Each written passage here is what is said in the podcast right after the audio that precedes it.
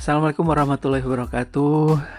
Bertemu lagi dengan saya Muhammad Irfan Hidayatullah atau dalam podcast ini saya namakan uh, podcast ini Riak Jiwa ya.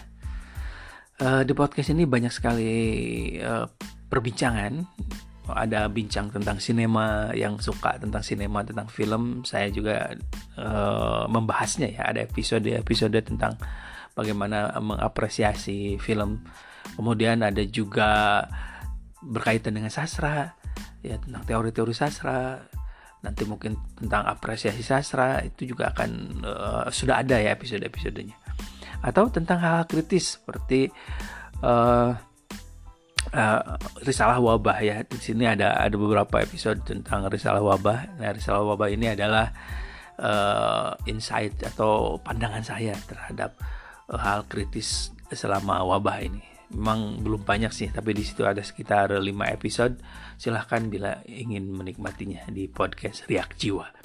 Dan hari ini saya akan membuat satu episode baru segmen baru yaitu uh, bincang bahasa. Nah bincang bahasa yang pertama ini saya akan langsung pada uh, pembahasan kalimat ya. Jadi kalimat dalam berbahasa atau berkomunikasi itu sangat penting. Karena kalimat uh, langsung um, pada inti komunikasi seperti itu ya. Ketika seseorang berkomunikasi dengan yang lainnya, seorang komunikator berkomunikasi dengan yang lainnya, maka dia sedang uh, menggunakan kalimat sebenarnya. Karena kalimat itu ya kumpulan kumpulan kata per kata atau diksi yang sudah selesai memiliki makna usai gitu ya.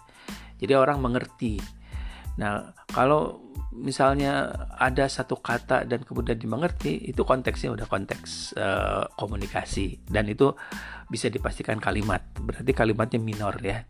Misalnya kata uh, ke mana, ke mana? Tanda tanya itu berarti kan dalamnya sebenarnya ada sesuatu yang dilesapkan yaitu uh, subjek uh, predikatnya seperti itu. Dan uh, objeknya misalnya atau fungsi-fungsinya sudah ada di dalam kamu mau ke mana gitu ya. Nah banyak yang lainnya yang bisa dibahas tapi hari ini kita akan bahas atau pada podcast kali ini kita akan bahas uh, kalimat yang baik dan benar yang yang dimaksud kalimat yang baik dan benar itu kalimat yang sesuai dengan uh, aspek komunikasinya dia sesuai dengan waktu dan tempatnya gitu sehingga uh, kalimat itu menjadi uh, baik bisa diterima uh, logis gitu. Dan sesuai dengan uh, kaidah jadi walaupun kalimat itu dalam kehidupan sehari-hari komunikasi sehari-hari itu bisa diluruskan sebenarnya. Jadi ada yang kalimat yang asal dan tidak tidak efektif gitu ya tidak benar tapi terus dipakai gitu. Betul sih secara komunikasi itu bisa dipakai dalam keseharian keseharian. Tapi alangkah baiknya kalau misalnya keseharian pun kita dengan lugas mem, mem, apa, menggunakan kalimat-kalimat yang benar secara uh, kaidah ya. uh, minimal kaidah-kaidah uh, fungsi uh, fungsi ke kalimatan ya. Ada subjek predikatnya jelas kemudian uh, logis kemudian hemat gitu. Ada uh, banyak hal yang uh, tidak logis kalimat itu tapi tetap dipakai. Baik kita uh, itu salah satu contohnya ya. Baik kita bahas satu persatu. Yang pertama kalimat itu harus memiliki subjek yang jelas tentu saja ya. Nah uh, apa sih yang mengganggu sebuah kalimat menjadi tidak bersubjek gitu atau subjeknya hilang? Yang pertama kalimat itu diawali oleh uh, kata depan atau ciri-ciri uh, apa istilahnya uh, keterangan ya. Misalnya kata untuk di dalam dan sebagainya. Ketika diawali oleh itu tapi konstruksinya bukan pasif maka itu menjadi aneh kalimatnya. Secara uh, logis ya aneh sekali. Misalnya uh, dalam masyarakat Jawa mengenal sistem religi. Dalam masyarakat Jawa mengenal sistem religi. Nah, dalam di sini menandakan bahwa uh, kalimat ini adalah konstruksi uh, apa uh, anak kalimat mungkin dalam ya ada ada ada ada tanda keterangan di sini di sini harusnya kan masyarakat Jawa mengenal sistem religi Jadi numpuk gitu ada ada dua dua dua maksud kalimat ya. Kalau misalnya dalam masyarakat Jawa memiliki uh, atau mengenal sistem religi, uh, ini berarti uh, ada harus ada kalimat sebelumnya gitu. Atau dihilangkan saja yang yang dalam kata dalam itu. Misalnya masyarakat Jawa mengenal sistem religi. Itu udah jelas masyarakat Jawanya subjek, mengenalnya predikat, sistem religinya objek seperti itu. Atau yang lain misalnya, di desa yang kami teliti memerlukan tambahan puskesmas. Di desa yang kami teliti memerlukan tambahan puskesmas. Lalu subjek subjeknya mana? Karena ada di ya. Kata di itu mengatakan bahwa itu keterangan uh, tempat gitu. Nah, harusnya di-nya hilangkan lah gitu ya. Uh, atau di, di diubah gitu ya. Maaf. Atau diubah misalnya yang tadinya memerlukan menjadi diperlukan di desa yang kami teliti diperlukan tambahan uh, puskesmas. Berarti di desa yang kami milikinya jadi uh, apa keterangan, kemudian diperlukan menjadi predikat, tambahan puskesmas jadi subjek ya. Di desa yang kami teliti diperlukan uh, tambahan puskesmas atau uh, atau desa yang kami teliti memerlukan tambahan puskesmas. Jadi kata di ini bisa tetap ada tetapi kemudian menya diganti jadi di dan atau uh, apa itu diubah menjadi uh, apa istilahnya menjadi dihilangkan ya dihilangkan dinya jadi desa yang kami teliti memerlukan tambahan puskesmas nah kemudian banyak lagi uh, apa istilahnya Eh, kasus-kasus uh, yang subjeknya uh, lesap seperti ini. Misalnya dalam pengumuman ya, pengumuman uh, itu sering sekali uh, memakai kata untuk. Untuk uh, mahasiswa uh, apa istilahnya? Untuk untuk pengumpulan maaf untuk pengumpulan data menggunakan teknik observasi dan wawancara untuk pengumpulan data menggunakan teknik observasi dan wawancara. Jadi untuk pengumpulan data menggunakan teknik observasi dan wawancara ini sama kasusnya. Jadi untuk di situ uh, memfungsikan kalimat itu sebagai uh, keterangan saja karena untuk itu tandanya keterangan tujuannya untuk apa gitu seperti itu ya. Jadi uh, hilangkan saja untuk itu supaya subjeknya jelas gitu. Pengumpulan data menggunakan teknik observasi dan wawancara atau diubah menjadi pasif ya. Untuk pengumpulan data digunakan teknik uh, observasi dan wawancara. Nah, kemudian yang kedua, yang kedua uh, kalimat harus memiliki predikat yang jelas ya. Kalau tadi subjeknya yang uh, uh, tidak jelas, sekarang banyak kalimat yang uh, predikatnya tidak jelas. Uh, misal ya, Selain harus memiliki subjek, kalimat juga harus memiliki predikat. Contoh yang tidak berpredikat di sini. Uh,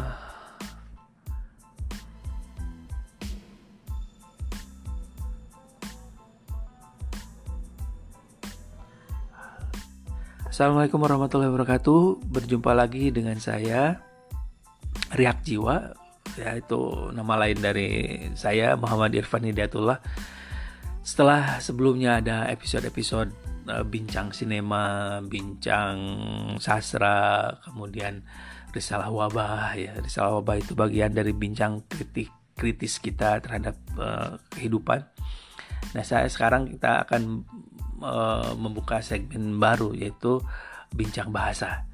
Nah, dalam bincang bahasa ini akan dibahas uh, berkaitan dengan kalimat ya untuk yang episode pertama ini.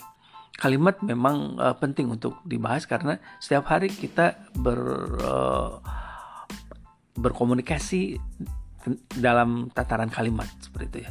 Walaupun di dalamnya ada kata, mungkin ada kalimat yang cuma satu kata gitu atau ketika kita berkomunikasi hanya kata per kata tetapi intinya dalam komunikasi itu adalah ada makna yang utuh uh, kalaupun itu hanya satu kata berarti di situ disebutnya kalimat uh, minor biasanya ya.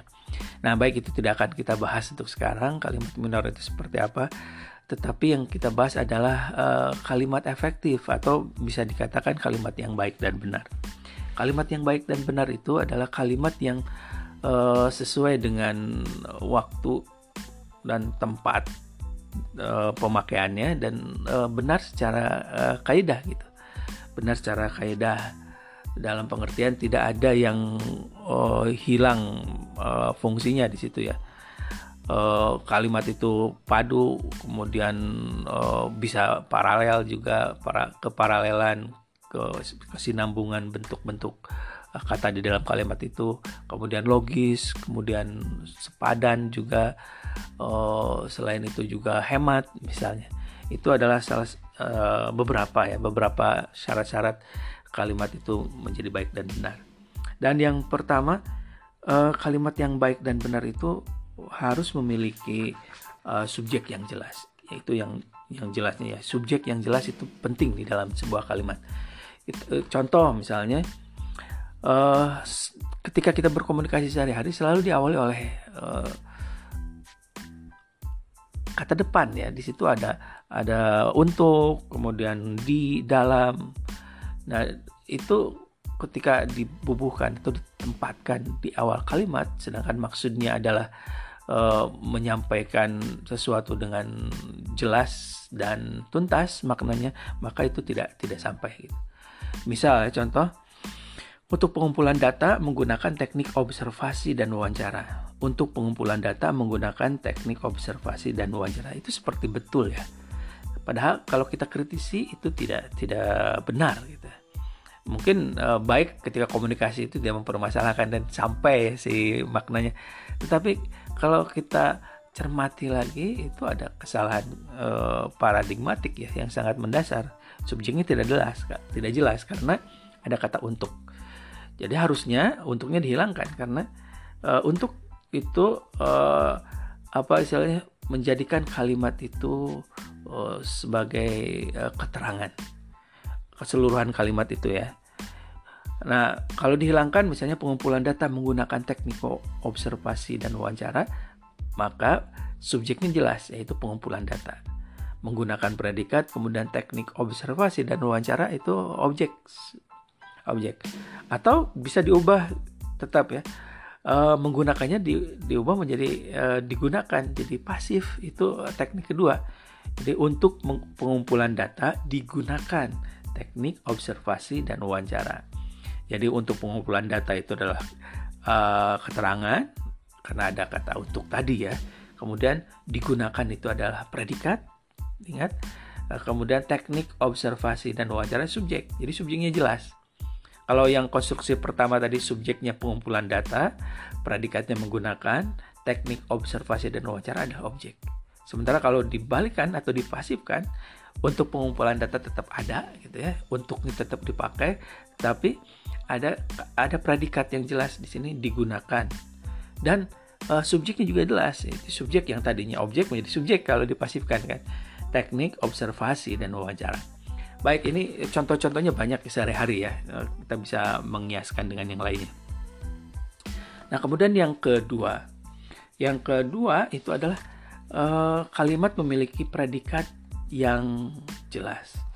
Nah, ini juga penting karena kalau sebuah kalimat tanpa predikat, maka tidak ada intinya ya di situ tidak tidak ada uh, hal yang membunyikan kalimat itu gitu maknanya kemudian jadi tidak jelas.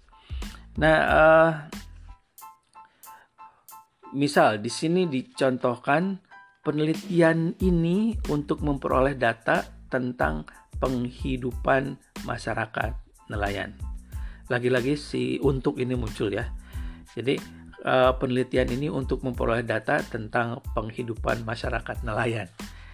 Jadi uh, ini harus diubah tentu saja, harus diubah menjadi penelitian ini dilakukan atau dilaksanakan untuk memperoleh data tentang penghidupan masyarakat nelayan.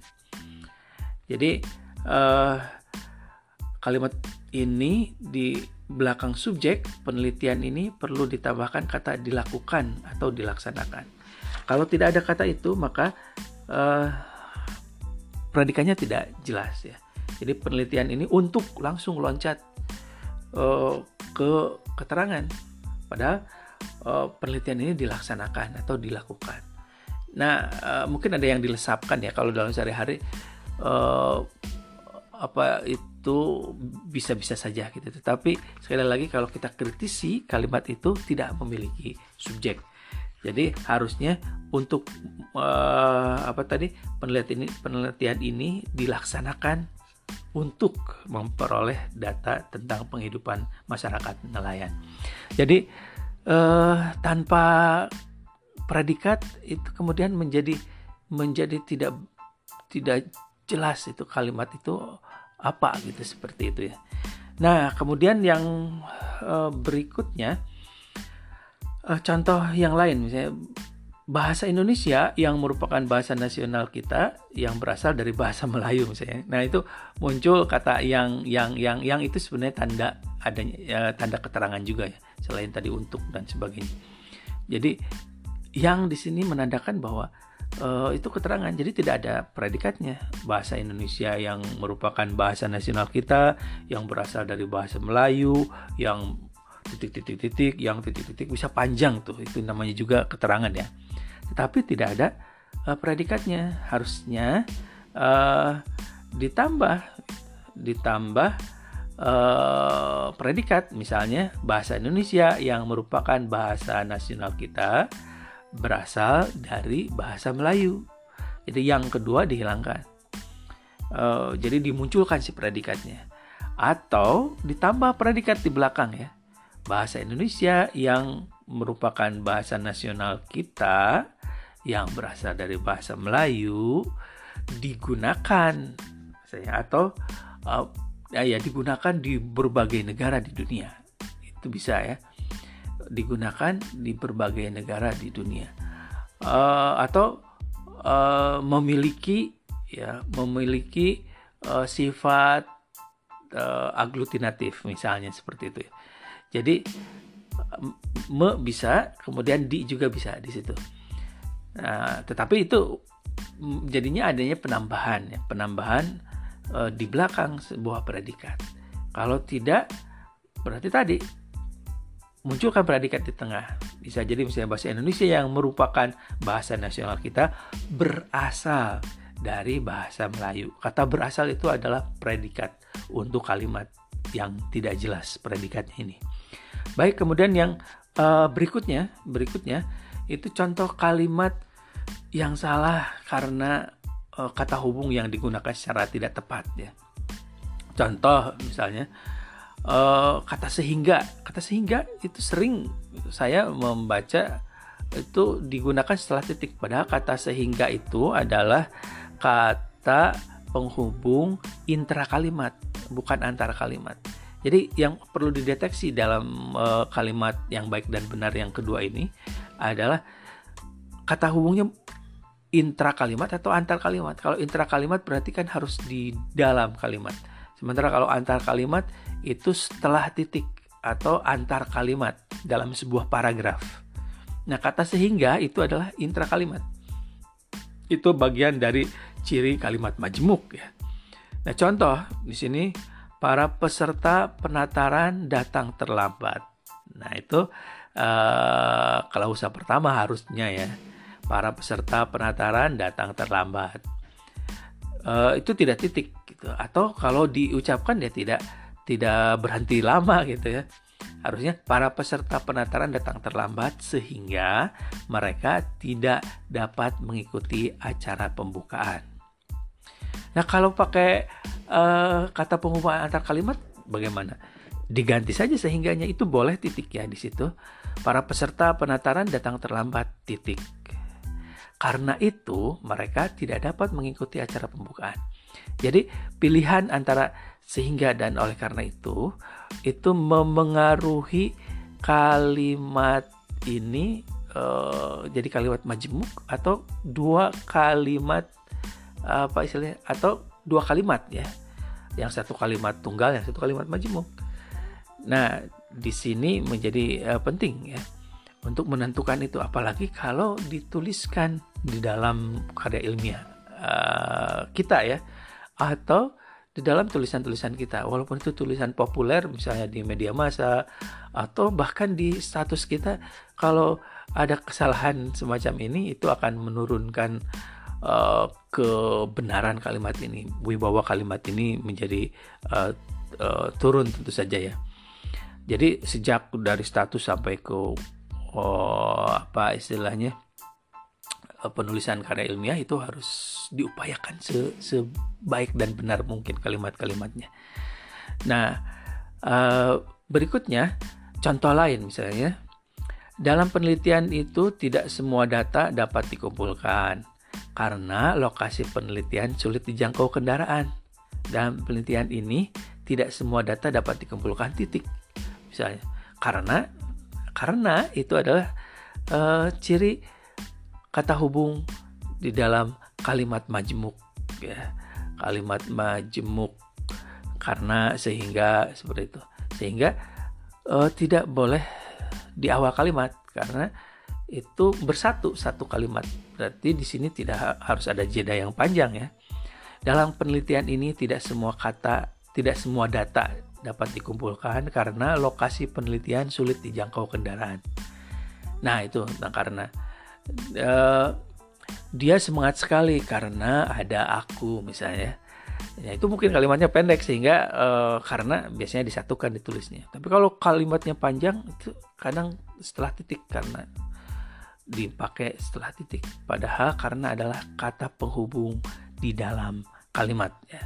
Konjungsi intra kalimat kemudian berikutnya kalimat itu harus disusun juga dengan uh, padu ya Nah, padu di sini adalah adanya hubungan timbal balik yang baik dan jelas di antara unsur-unsur kata atau kelompok kata yang membentuk kalimat tersebut. Jadi kalimat itu harus uh, padu. Uh, kepaduan ini ditandai oleh adanya hubungan timbal balik yang baik dan jelas di antara unsur-unsurnya di dalam kalimat itu. Kata atau kelompok kata ya. Nah, kepaduan dalam kalimat akan rusak karena salah menempatkan kata depan tentang mengenai akan itu.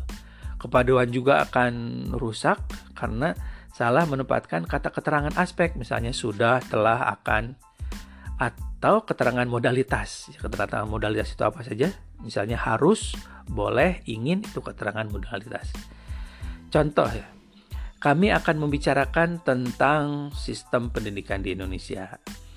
Nah, uh, kami akan membicarakan tentang sistem pendidikan Indonesia di Indonesia. Membicarakan tentang ini uh, ada perpaduan yang uh, salah ya. Nah, pada kalimat ini tidak padu karena antara kata kerja transitif membicarakan tadi uh, dan objek sistem pendidikan ya jadi tadi kan kalimatnya kami akan membicarakan tentang sistem pendidikan. Maaf. Jadi membicarakan adalah kata kerja yang transitif yang memerlukan objek ya. Kami membicarakan, kami akan membicarakan sepak bola misalnya ya. Jadi biasanya langsung pada pada objeknya. Karena kal, uh, kata membicarakan ini adalah uh, transitif, perlu objek langsung. Sementara di dalam kalimat ini ada kata tentang, kata depan tentang. Jadi tentu saja untuk menjaga kepaduan kata depan tentang pada kalimat ini harus dihilangkan. Jadi kami akan membicarakan sistem pendidikan di Indonesia. Atau contoh lain misalnya, uh, apa laporan ini saya harus perbaiki secepatnya. Nah ini uh, kasus lain. Harusnya laporan ini harus saya perbaiki secepatnya. Ini permasalahannya dengan uh, posisi antara kata saya dengan kata harus ya. Di sini harus kan modalitas. Modalitas itu sebelum uh, apa istilahnya? Sebelum subjek gitu. Laporan ini harus saya perbaiki uh, secepatnya. Nah, uh, itu ya yang yang eh, berhubungan dengan kepaduan. Jadi di sini di sini ada ada kesalahan biasanya menempatkan unsur-unsur uh, di dalam kalimat ya unsur kata misalnya uh, aspek ya keterangan aspek kemudian keterangan modalitas uh, keterangan uh, apa istilahnya ya keterangan modalitas keterangan aspek lah contohnya atau kata depan ya seperti itu. Nah berikutnya kalimat memiliki harus memiliki kesetaraan bentuk atau paralel. Banyak kalimat-kalimat dalam keseharian itu tidak setara bentuknya paralelisme ini ya. Oh istilahnya atau paralelitas keparalelan kesetaraan bentuk. Contoh ya kegiatan yang telah kami lakukan adalah mengumpulkan informasi pencarian bahan bacaan dan menyusun rancangan. Nah ini selintas tidak ada masalah. Padahal e, bentuk-bentuk e, perincian di dalam kalimat ini atau pada kalimat ini itu tidak paralel bentuknya Coba kita ulangi ya. Kegiatan yang telah kami lakukan adalah mengumpulkan informasi, pencarian bahan bacaan dan menyusun rancangan. Kalau diawali dengan me, kemudian e, rincian yang lainnya juga me ya harusnya. Jadi kegiatan yang telah kami lakukan adalah mengumpulkan informasi, mencari bahan bacaan dan menyusun rancangan. Itu akan elok gitu, akan indah kalau kalau me me kalau apa pe pe misalnya kalau pe misalnya seperti ini Kegiatan yang telah kami lakukan adalah pengumpulan informasi, pencarian bahan bacaan, dan penyusunan rancangan. Ya, dalam uh, sehari-hari juga sering uh, acak seperti itu ya. Nah, karena itu uh, harus jeli lagi bagaimana bentuk itu harus sejajar. Apalagi kalau kita sedang menuliskan sesuatu yang sangat penting, itu akan mengganggu makna keseluruhan kalimat itu. Kemudian berikutnya, selain tadi ada kepaduan, subjek yang jelas, predikat yang jelas, juga ada kehematan. Nah, banyak sekali kalimat yang tidak hemat, sehingga kalimat itu tidak efektif atau tidak baik dan benar. Contoh ya, Uh, setelah makalah ini diperbaiki, makalah ini akan segera dipresentasikan. Itu tidak ada masalah sepertinya ya. Padahal uh, harus atau bisa lebih hemat. Dan memang harus lebih hebat karena ada sesuatu yang tidak perlu diulang. Harusnya setelah diperbaiki, makalah ini akan segera dipresentasikan. Jadi bukan setelah makalah ini diperbaiki, makalah ini akan segera dipresentasikan tapi harus ada yang dihilangkan salah satu subjeknya. Ini kan kalimat uh, apa majmuk ya harusnya setelah diperbaiki makalah ini akan segera dipresentasikan. Berarti yang tetap dipertahankan subjeknya itu adalah makalah ini. Jadi makalah ini akan segera dipresentasikan setelah diperbaiki. Kalau uh, anak kalimatnya kemudian di dialihkan ke depan, maka uh, setelah diperbaiki langsung ke makalah ini atau bukan setelah makalah ini diperbaiki, tapi yang harus ada subjeknya adalah pada induk kalimat. Atau oh, contoh lain, surat ini harus ditandatangani terlebih dahulu sebelum surat ini dikirimkan. Nah, sebelum surat ini dikirimkan tentu saja itu konstruksinya lebih rendah daripada surat ini harus ditandatangani. Berarti surat ini harus ditandatangani adalah uh, induknya. Jadi surat ini harus ditandatangani terlebih dahulu sebelum dikirimkan. Seperti itu ya. Kemudian yang lain, uh, tidak hemat karena bentuk jamak uh, pada kata yang sudah bermakna jamak gitu ini ini dalam keseharian sering lah ya. Misalnya banyak kata-kata oh, bahasa Indonesia yang berasal dari bahasa asing. Banyak kata-kata. Kata-kata sudah jamak ditambah banyak. Kalau mau ya banyak kata. Atau eh, kata-kata uh, dalam bahasa Indonesia misalnya seperti itu ya. Kata-kata itu sudah jamak kemudian ditambah banyak. Menjadi tidak hemat. Atau seluruh surat-surat yang dikumpulkannya dapat dijadikan bukti bahwa dia tidak bersalah. Uh, seluruh surat ya. atau surat-surat yang dikumpulkannya dapat dijadikan bukti bahwa dia tidak bersalah. Jadi pilih atau hilangkan kata yang membuat uh, makna jamak itu menjadi uh, berlebihan sudah banyak menjadi banyak lagi lebih banyak lagi dan itu tidak hemat yang berikutnya bisa juga uh, kasusnya uh, berbeda ya. Ada uh, berkaitan dengan sinonim ya. Misalnya uh, sangat itu bersinonim dengan sekali.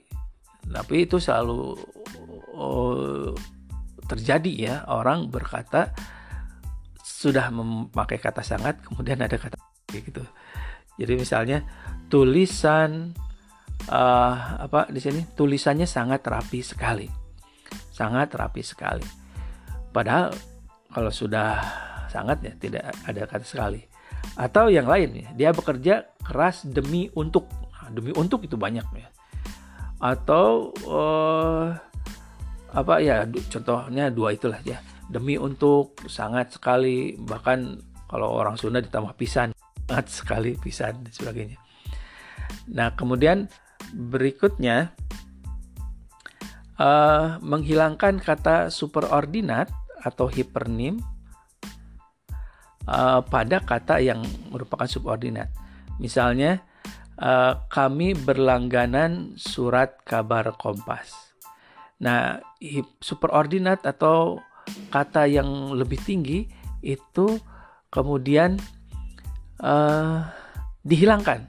Jadi langsung pada kata yang lebih khusus ya. Langsung pada kata yang lebih khusus yaitu uh, Kompas misalnya, kami berlangka, berlangganan Kompas itu udah pasti surat kabar atau mengenakan uh, baju kuning gitu ya. Atau dia mengenakan baju kuning, bukan berwarna kuning uh, surat kabar Kompas atau tabloid itu terbit setiap Kamis, harinya hilangkan saja. Nah, itu uh, atau dia membawa bunga mawar gitu. Dia mawar langsung ke mawar gitu. Dia memakai bahkan bisa uh, apa istilahnya? bisa langsung ke merek ya bisa langsung ke merek misalnya dia memakai Honda gitu motor atau dia dia memakai kendaraan uh, mobil dia langsung harusnya dia dia memakai mobil ke kampus misalnya nah kemudian uh, berikutnya kalimat memiliki ketunggalan arti tidak ambigu ingat uh, ciri yang lain adalah tidak ambigu. Mereka mengeluarkan botol bir dari dapur yang menurut hasil penelitian berisi cairan racun. Mereka mengeluarkan botol bir dari dapur yang menurut hasil penelitian berisi cairan racun. Jadi uh, yang berisi cairan racun itu apa? Botol bir atau dapurnya? Jadi ini harus diubah. Atau misalnya pria dan wanita yang memakai pita akan mengikuti lomba balap karung. Pria yang prianya atau wanitanya yang memakai pita itu harus diubah ya. Harusnya wanita yang memakai pita dan pria akan mengikuti lomba balap karung seperti itu ya. Siapa yang memakai pita itu wanita saja atau wanita dan pria? Jika yang memakai uh, pita itu hanya wanita, struktur kalimatnya bisa wanita yang memakai pita dan pria ya. Uh, atau misalnya dap dari dapur mereka mengeluarkan botol bir yang menurut hasil penelitian berisi cairan racun. Jadi dari dapur mengeluarkan botol bir, botol bir. Kalau tadi kan mereka mengeluarkan botol botol bir dari dapur yang menurut hasil penelitian berisi cairan racun. Ada ambigu. Atau misalnya anak polisi yang gagah itu ditangkap uh, eh, KPK misalnya. Anak politisi ya, anak politisi yang gagah itu ditangkap KPK. Uh, ah, anaknya atau politisinya gitu. itu harus diubah kalimatnya atau ciri yang lain itu uh, banyak kalimat yang tidak logis ya. Nah, yang tidak logis ini sudah biasa sehari-hari misalnya waktu dan tempat kami persilahkan itu tidak logis ya. Karena waktu dan tempat bukan makhluk hidup. Maksudnya uh, orang yang mau memberikan sambutan misalnya harusnya langsung aja ke Bapak Camat yang kami hormati, kami persilahkan, bukan waktu dan tempat ya. Uh, contoh lain misalnya yang tidak logis uh, dengan memanjatkan puji syukur kepada Tuhan yang Maha Esa maka makalah makalah ini selesai penulis susun. Nah ini tidak logis karena uh, seolah-olah makalah ini selesai disusun hanya dengan memanjatkan puji syukur kepada Tuhan gitu. Nah itu dalam uh, uh, apa sih pengantar tulisan atau makalah, tugas, skripsi itu selalu ada kesalahan-kesalahan semacam ini. Atau yang lain misalnya uh, yang lain banyak lah ya contohnya uh, misalnya saya ucapkan terima kasih kepada para penguji pembimbing yang tidak lelah-lelahnya. Nah, kata tidak lelah-lelahnya itu juga tidak tidak logis. Mungkin itu berlebihan hiperbola ya.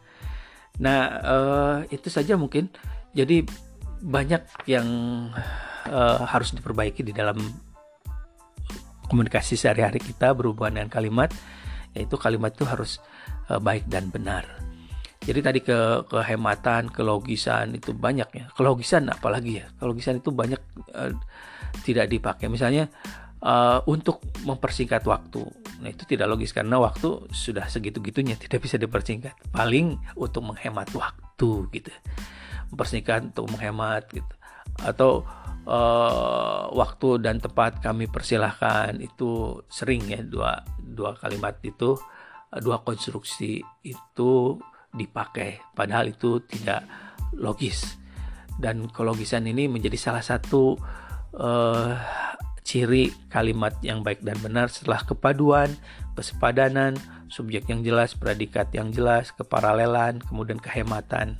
Dan ini yang terakhir adalah kelogisan. Baik itu saja mungkin eh, bincang-bincang santai kita tentang bahasa. Ini bisa menjadi bahan diskusi sebenarnya. Uh, semoga nanti ada ada hal lain yang bisa diperbincangkan di podcast Bincang Bahasa ini. Terima kasih, sampai jumpa. Assalamualaikum warahmatullahi wabarakatuh.